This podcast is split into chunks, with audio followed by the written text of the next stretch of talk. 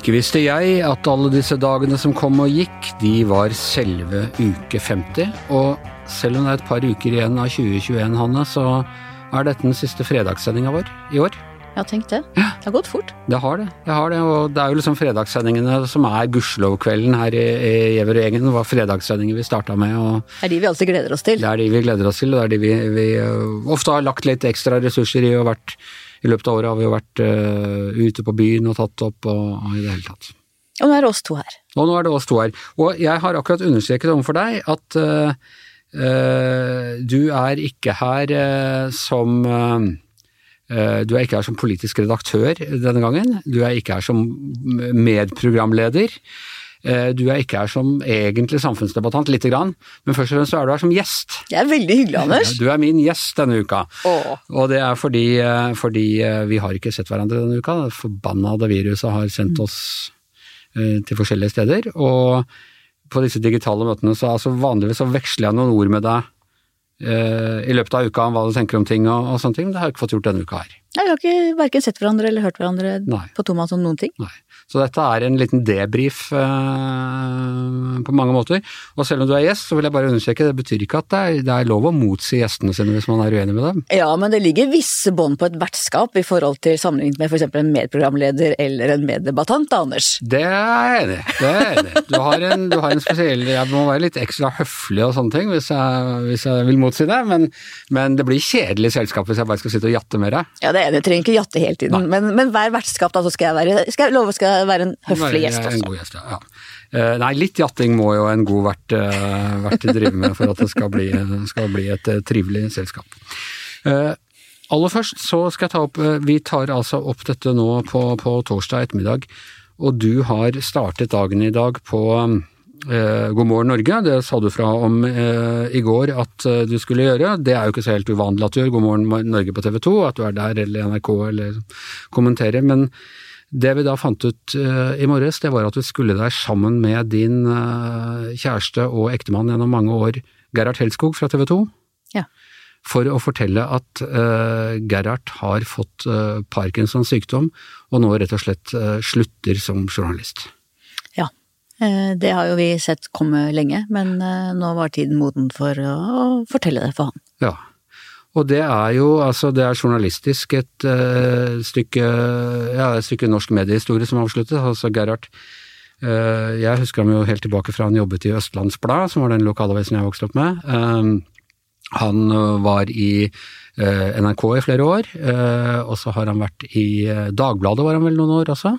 Men så har han vært med i TV 2 helt fra starten, og vært en av de mest sånn profilerte og kjente og respekterte journalistene der.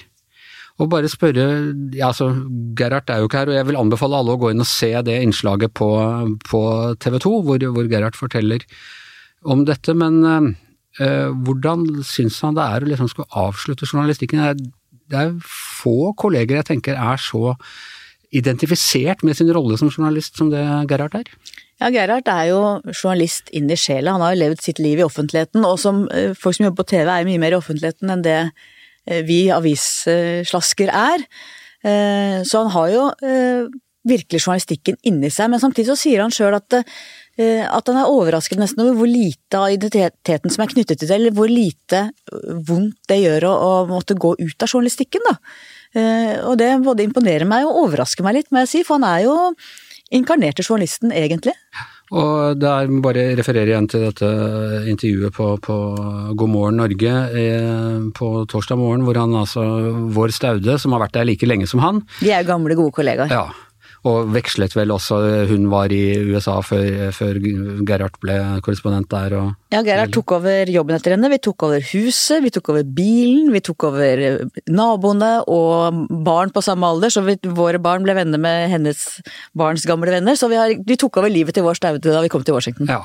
Og hun spurte ham jo da hvordan blir dette, Gerhard, eh, med, med liksom alle de tingene du har gjort, alle de store oppgavene du har hatt i, eh, og ramser opp dette her og slutter. og så sier Gerhard at ja, men hør hvor heldig jeg har vært. Eh, eh, Så han, han opplevde det liksom mer når hun ramser opp det som en sånn jøss, åh, tenk på alt jeg har fått gjort, og det tenker jeg det er en ganske beundringsverdig måte, og viktig måte for oss å, tenke på, vi som har vært privilegerte eh, her i livet.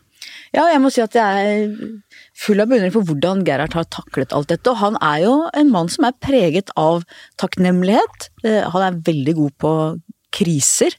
Eh, veldig god på, på en måte å møte ting som det er, og forsones med det som er umulig å gjøre noe med. Sånn at Eh, hvis man har lov til å si at man beundrer mannen sin, så må jeg si at jeg beundrer faktisk Gerhard ja, veldig. Det er det ikke alle som gjør etter så mange år, vet du. Men, eh, men, han eh, Jeg tenker jo også at han er veldig, framstår da i dette intervjuet som veldig usentimental. Mm. Cut to crap. Uh, cut to crap. Sånn han er jo en mann som har vært flink til å bruke følelser i journalistikken. Det har jo på mange måter vært et, et varemerke ved hans journalistikk, at du trekker ganske sterke følelser inn i uh, reportasjene.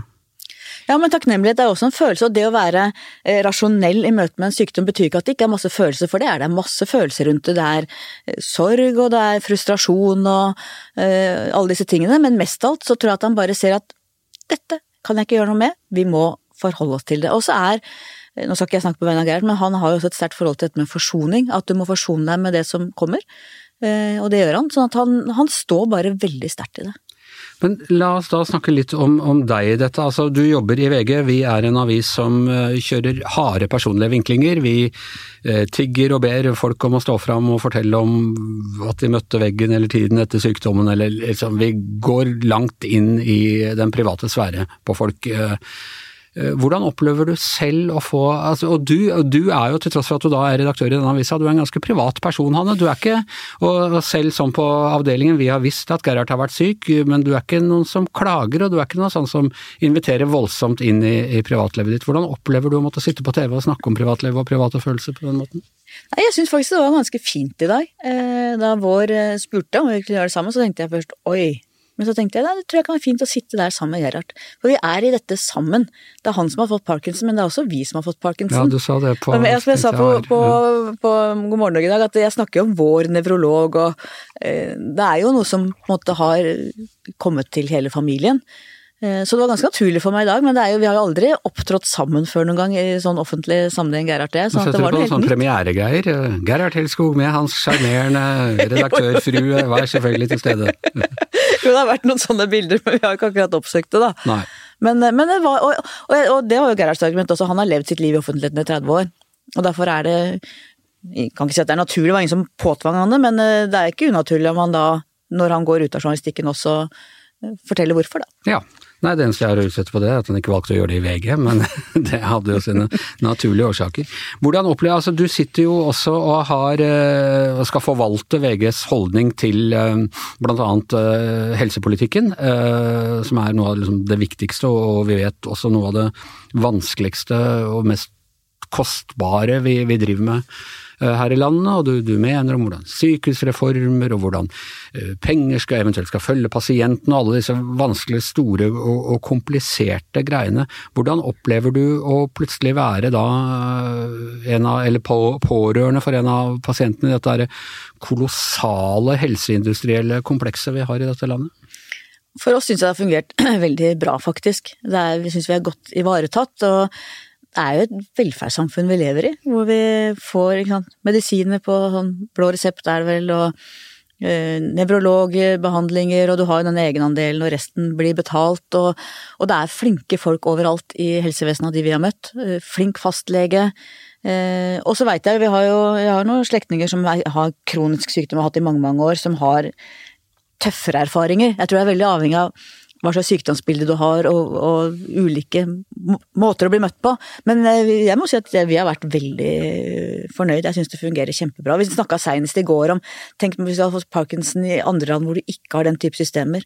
Nei, i USA for eksempel. USA for eksempel, ikke sant. Det er det å, det å bli ivaretatt av velferdsstaten i en sånn sammenheng, det er en gave. Men har du, altså jeg vet jo at, og dere fortalte om det, dere har jo tatt mye privat initiativ til å finne ut av og, og sjekke og, og i det hele tatt, har dere noen gang vært frista til å gå inn i noen sånn private ting, dra et eller annet annet sted, betale for alternativ behandling, den, den type ting?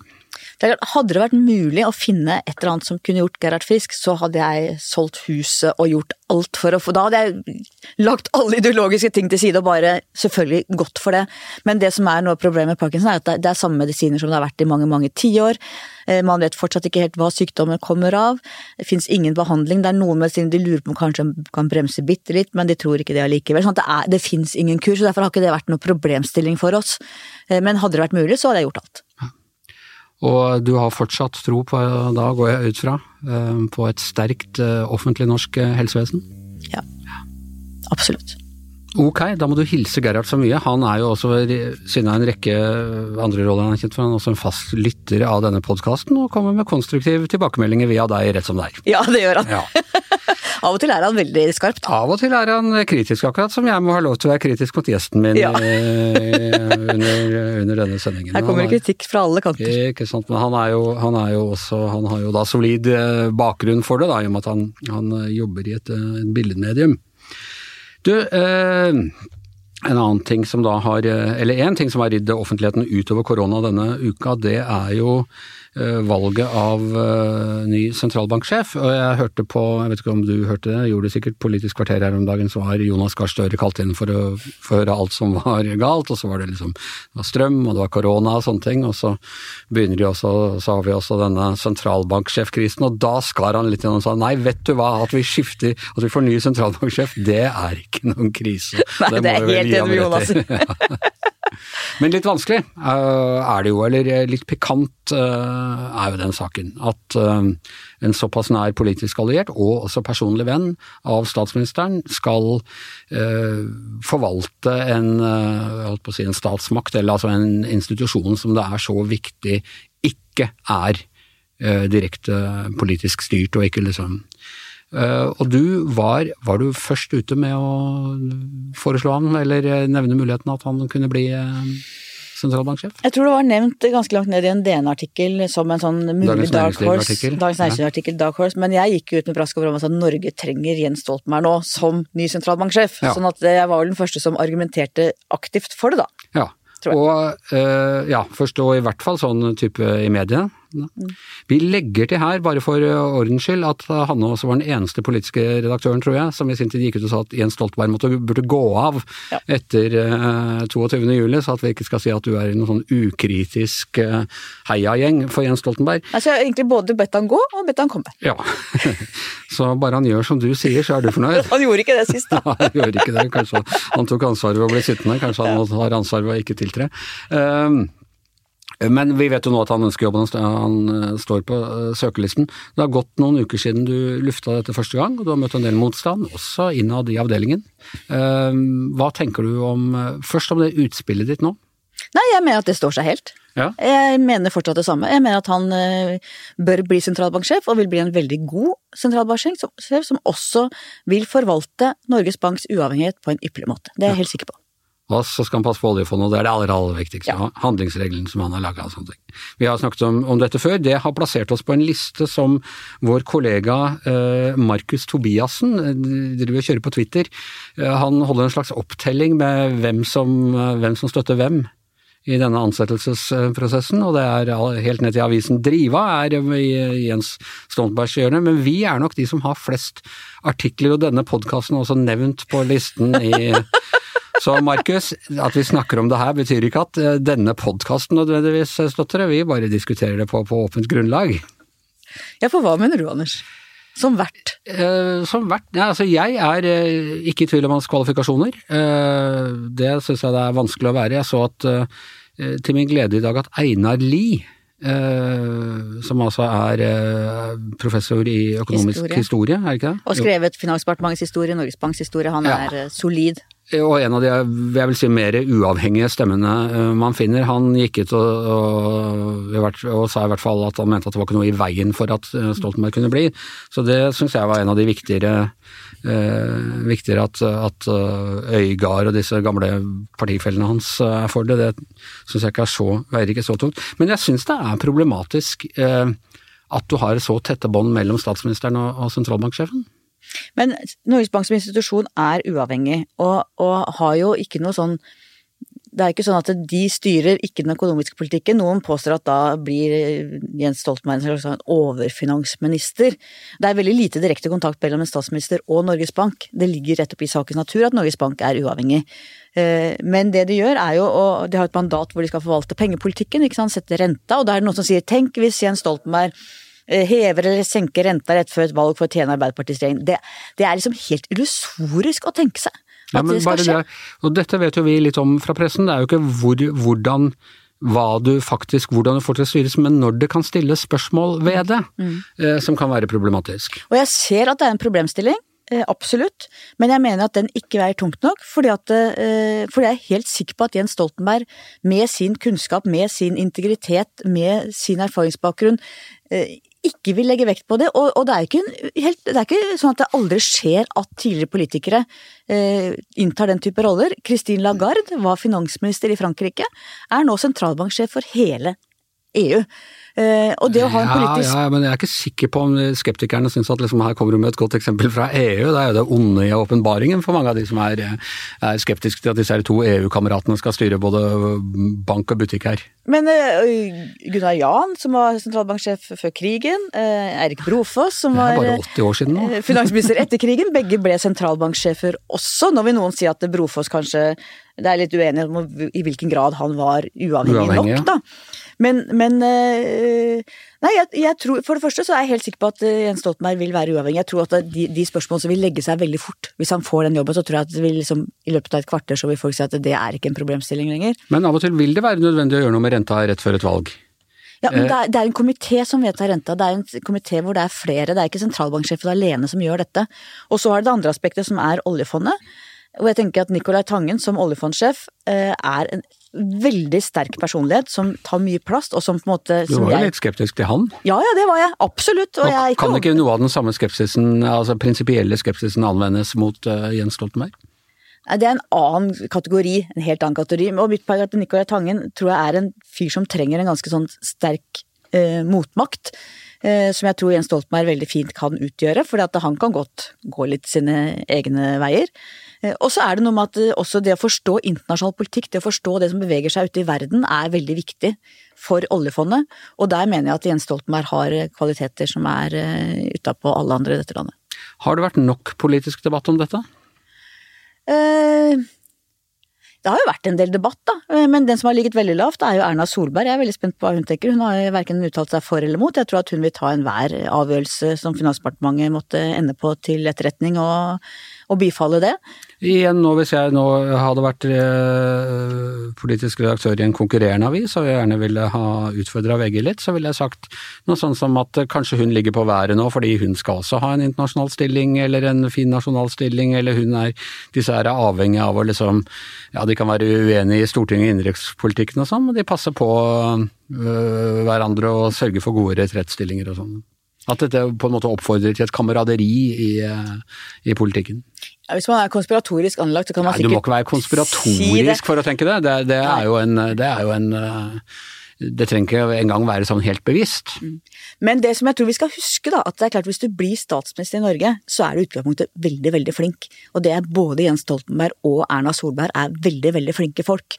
Som jeg tror enhver Hvis regjeringa nå promoterer på et tidspunkt Erna Solberg til en internasjonal posisjon, så tror jeg ikke spørsmålet om hvorvidt hun har støttet eller ikke støttet Jens Stoltenberg som sentralbanksjef vil bety noe som helst. Jeg tror alle politiske partier og alle vil stille seg bak dersom norske regjeringer nå eh, forsøker å få Erna Solberg inn i en. Men Hvorfor tror du at Høyre ligger sånn på været? Hvorfor får vi ikke Nei, Jeg tror at hun egentlig syns det er uproblematisk. er ja. min tolkning av det. Men da kan hun bare gå ut og si det? Jo, men jeg tror hun mener nok også at det er prinsipielt feil hvis Stortinget skal gå inn og mene noe om om ansettelse av Norges Banks sentralbanksjef. Det ligger til Finansdepartementet, og i hvert fall før det er avgjort, så jeg tror det er derfor. Og det er vi enig i, her i VG? At politikerne ikke skal eller at ja. Stortinget Ja, det er, ikke, i hvert fall, det er ikke Stortingets jobb å utnevne sentralbanksjef, så jeg syns det er ryddig. Men er det pressens?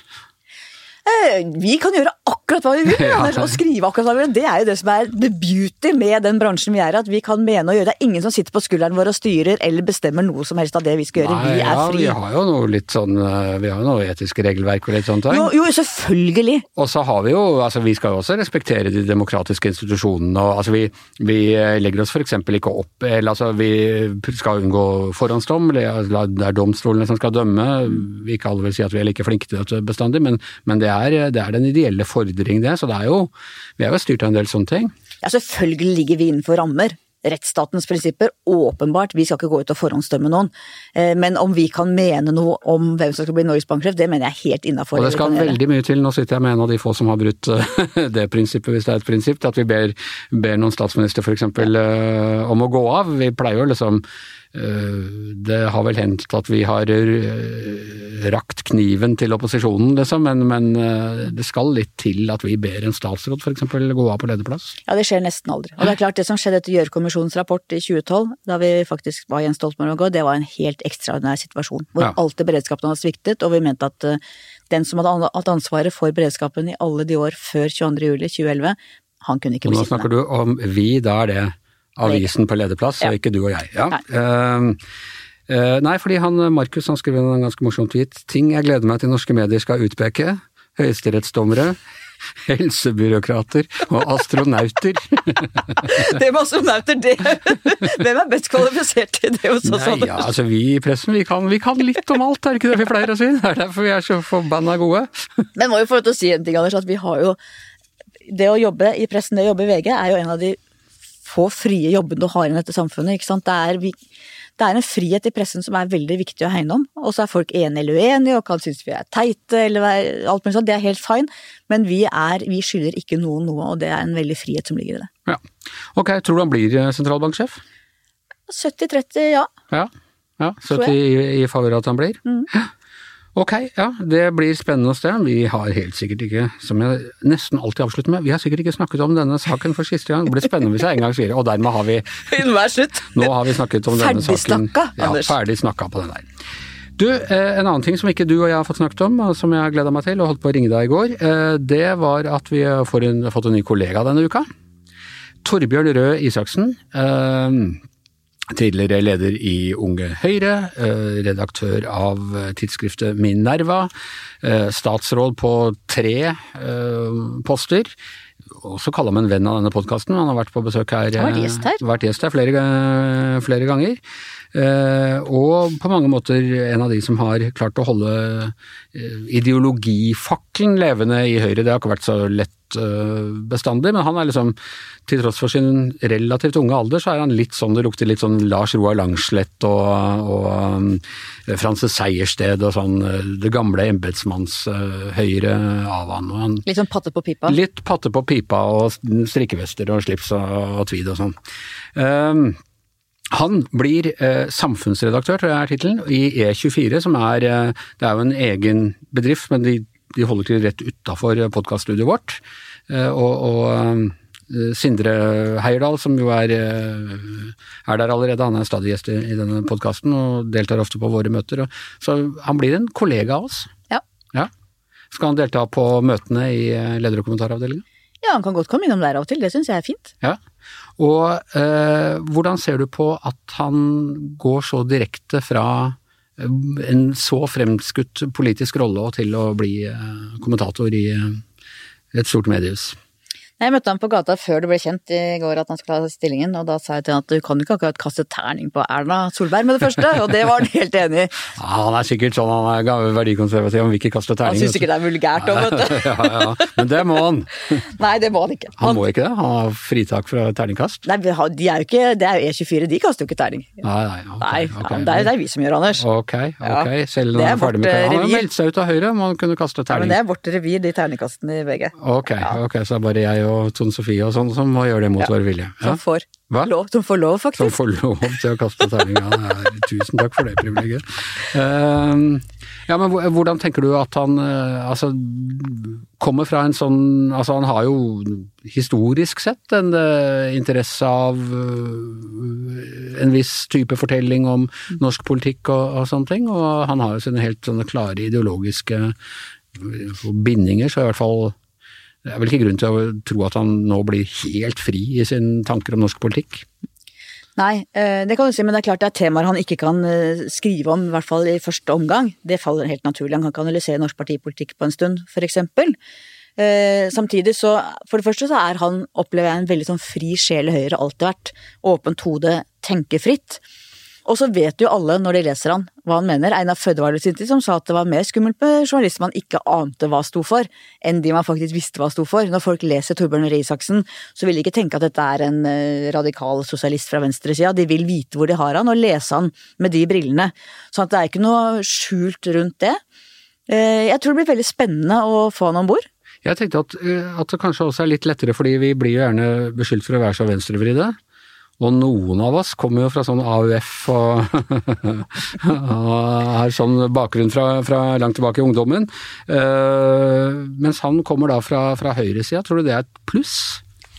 Tror du det er lettere enn det hadde vært å ta inn f.eks. Eh, Trond Giske eller noen sånne ting fra Arbeiderpartiet, nå tenker jeg bare rent politisk, i, i, eh, som kommentator? Mm, jeg veit ikke. Du har jo eh, Snorre Valen eksempel fra SV, eh, har jo blitt redaktør oppe i Trøndelag, eh, og, skriver nå som fri kommentator. Han har da bakgrunn fra venstresiden? Han har bakgrunn fra venstresiden, men han er jo også, opplever jeg, sånn ganske sånn fri tenker med åpent hode, som, som, folk har tillit til at det tenker Det er ikke partiboka som kommer der, det tenkes fritt derfra. Så jeg tror ikke det har vært noe veldig stor forskjell egentlig. Jeg tror det handler veldig om, om hva slags person det gjelder, om man har tillit til den og til dens integritet og evne til fri tanke. En ting jeg har tenkt på når det gjelder uh, å skrive om norsk politikk, at dere som gjør det og dere som gjør det best, har veldig ofte bakgrunn fra politikken selv. Du har det, uh, Tone Sofie Uh, Aglen, uh, vår gode kollega, uh, har det. Og det er, altså, det er såpass spesialisert det der med norsk politikk at du må nesten Dette gjelder ikke absolutt alle, men det er en voldsom fordel å ha vært på innsiden og skjønne hvordan liksom, skruer og muttere er montert sammen i dette her, for å kunne forklare det for andre. Ja, jeg tenker ofte at jeg er veldig glad for de årene jeg hadde som ungdomspolitiker og studentpolitiker. hvor jeg var på Du var nesten på Stortinget, du? jeg var faktisk vara langt ned på lista i Var vel på 89-lista, tror jeg. Ja. ja. Jeg tror Tone Sofie også har vært noe, ja. på noe. Vara varaplass. ja. For Arbeiderpartiet, hvis folk ikke vet det. Det er bare ja. ryddig å si. Eh, men det at jeg har vært med på både maktkamper, sittet i sentralstyremøter i ikke i Arbeiderpartiet selvfølgelig, men da jeg var leder for noe som het Sosialdemokratisk studentforbund, drive organisasjonsarbeid, kjempe for standpunkter, liksom bygge allianser, alle de tingene, det var en veldig, veldig god læring for meg. Og samtidig, da jeg da møtte Torbjørn Risaksen i går, så sa jeg til han at det å komme, gå fra partipolitikk inn i journalistikken, det var en sånn enorm frihetsfølelse. For da er du på en måte løsrevet fra partiprogrammet, fra å bli putta i en bås, fra å skulle forsvare spesielle standpunkter. Da er du fri. Så jeg merka at hodet mitt ble mye mer åpent og mye friere idet jeg gikk over journalistrollen. Uh, og jeg tror jeg føler i sjøl i dag ingen binding til noen partier, noe som helst, er et helt annet sted. Men den bakgrunnen er jeg veldig veldig takknemlig for, den lærte jeg masse av. Og så er altså Tidligere var jo pressen var mye mer politisk. Du var vel med i AUF ennå da vi møttes første gang da du hadde sommervikariat i Arbeiderbladet? Jeg meldte meg vel ut da jeg ble, da jeg fikk det sommervikariatet, eller slutta okay. å betale kontingent, jeg husker ikke hva ja, det var. Men jeg var i hvert fall, da var da, jeg ute. Inntil da vært der. Og vår redaktør eh, den gangen, Per Brunvann, han var jo valgt til redaktør på Arbeiderpartiets landsmøte. Ja, tenk det. Så, så uh, ting var mye mer politisk. Og han Egil Sundar, som var redaktøren i Aftenposten på den tiden, han var også han var ikke noe særlig tvil om at, han, at uh, hans prosjekt var å få til en borgerlig samarbeidsregjering ledet av Høyre og sånn, så det, det, det, det er Partipresse, ja, rett og slett? Ja. Uh, og nå kan man da til en viss grad problematisere. Vi, vi ser jo altså f.eks. Fremskrittspartiet.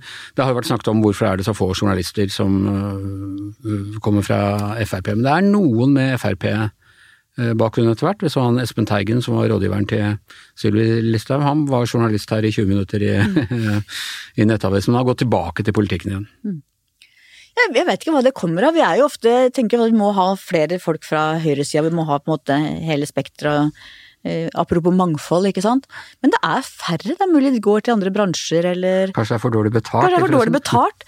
Og så er det noe, kanskje noe med liksom samfunnsoppdrag og rollene i samfunnet som kanskje appellerer mer til Nei, det veit jeg ikke, det er jo, det er jo folk fra høyresida Altså, som er tradisjonelt sett så er det jo, ja, øh, og jeg ser fra mine samtidig fra Unge Høyre, veldig mange av de havna, havna i journalistikken etter hvert. Altså, så Nei, det var litt dårlig sagt, jeg. det var litt dårlig gjennomtenkt det jeg sa der. eh, At, men men det, er, det er, for eksempel fra Frp er det veldig få. Ja, det er det. Så det må bli bedre. Vi må kvotere inn folk fra Frp og gi stimuli til uh, kvinner fra Frp som vil, fra Frp. som vil inn i, med, gjerne med minoritetsbakgrunn, som vil, øh, vil øh, inn i pressen. Nei, men Mangfold er viktig, og- og vi tenker ofte snevert om mangfold. Det handler om veldig veldig mye. Det handler om alder, geografi, eh, bakgrunn, røtter, eh, alder, kjønn, eh, legning. Det er veldig bredt. Det gjør det. Og, og altså, se på vår tid i pressen, hvis du ser på liksom, redaktørkollegene og sånne ting, var bare menn. Og hvis du blar igjen, gjennom en arbeiderblad fra den sommeren eh, 1990. 1990, ja, eh, så vil du se at det stort sett bare er menn som er intervjua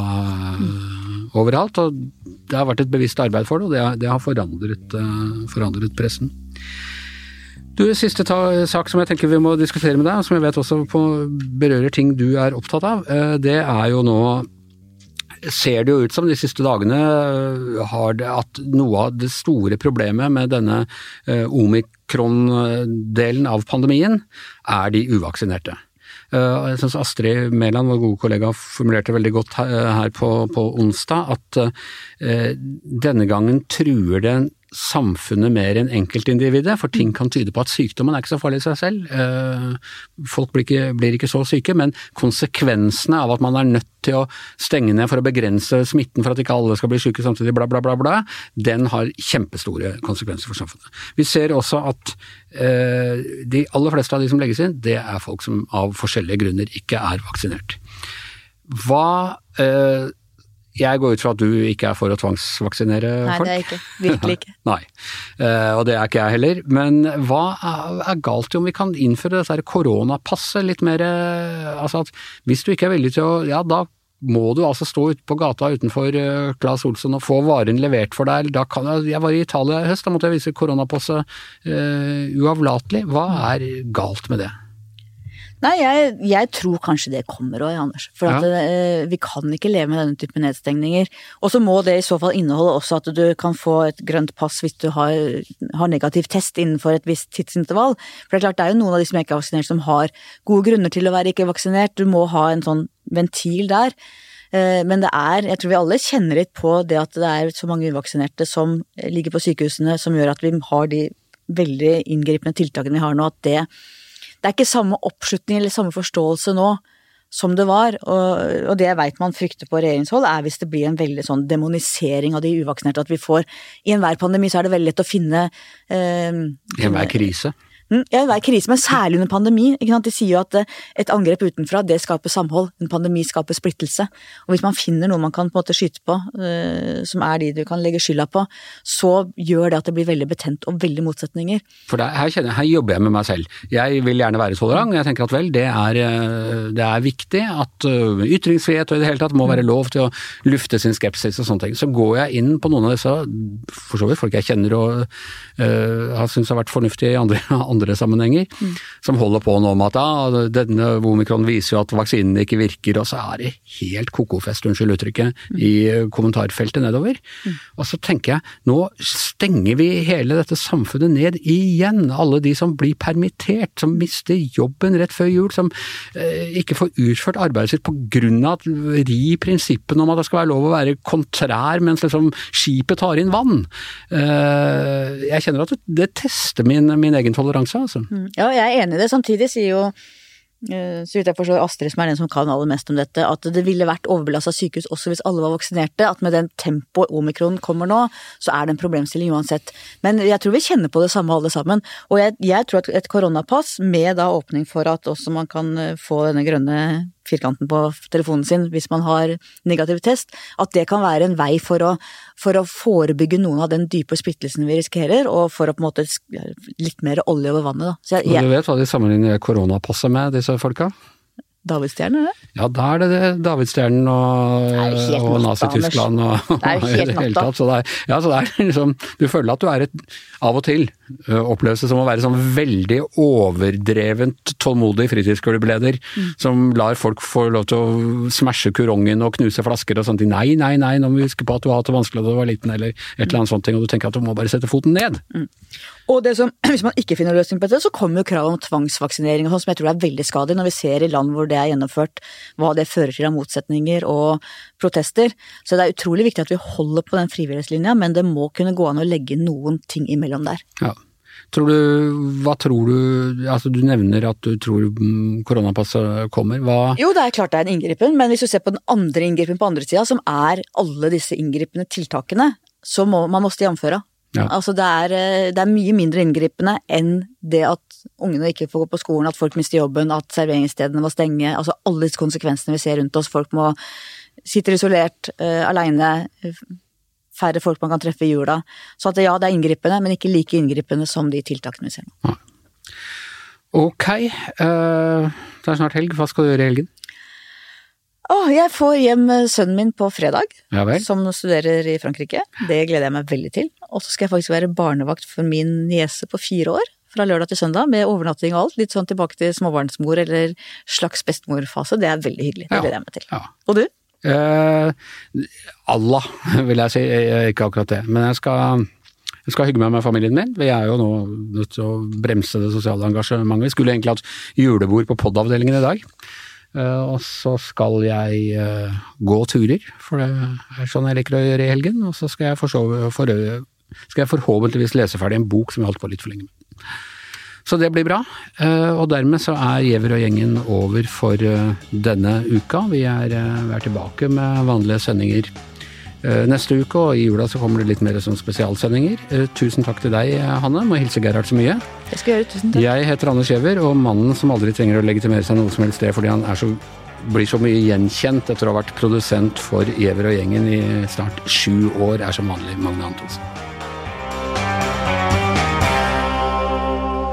Du har hørt en podkast fra VG.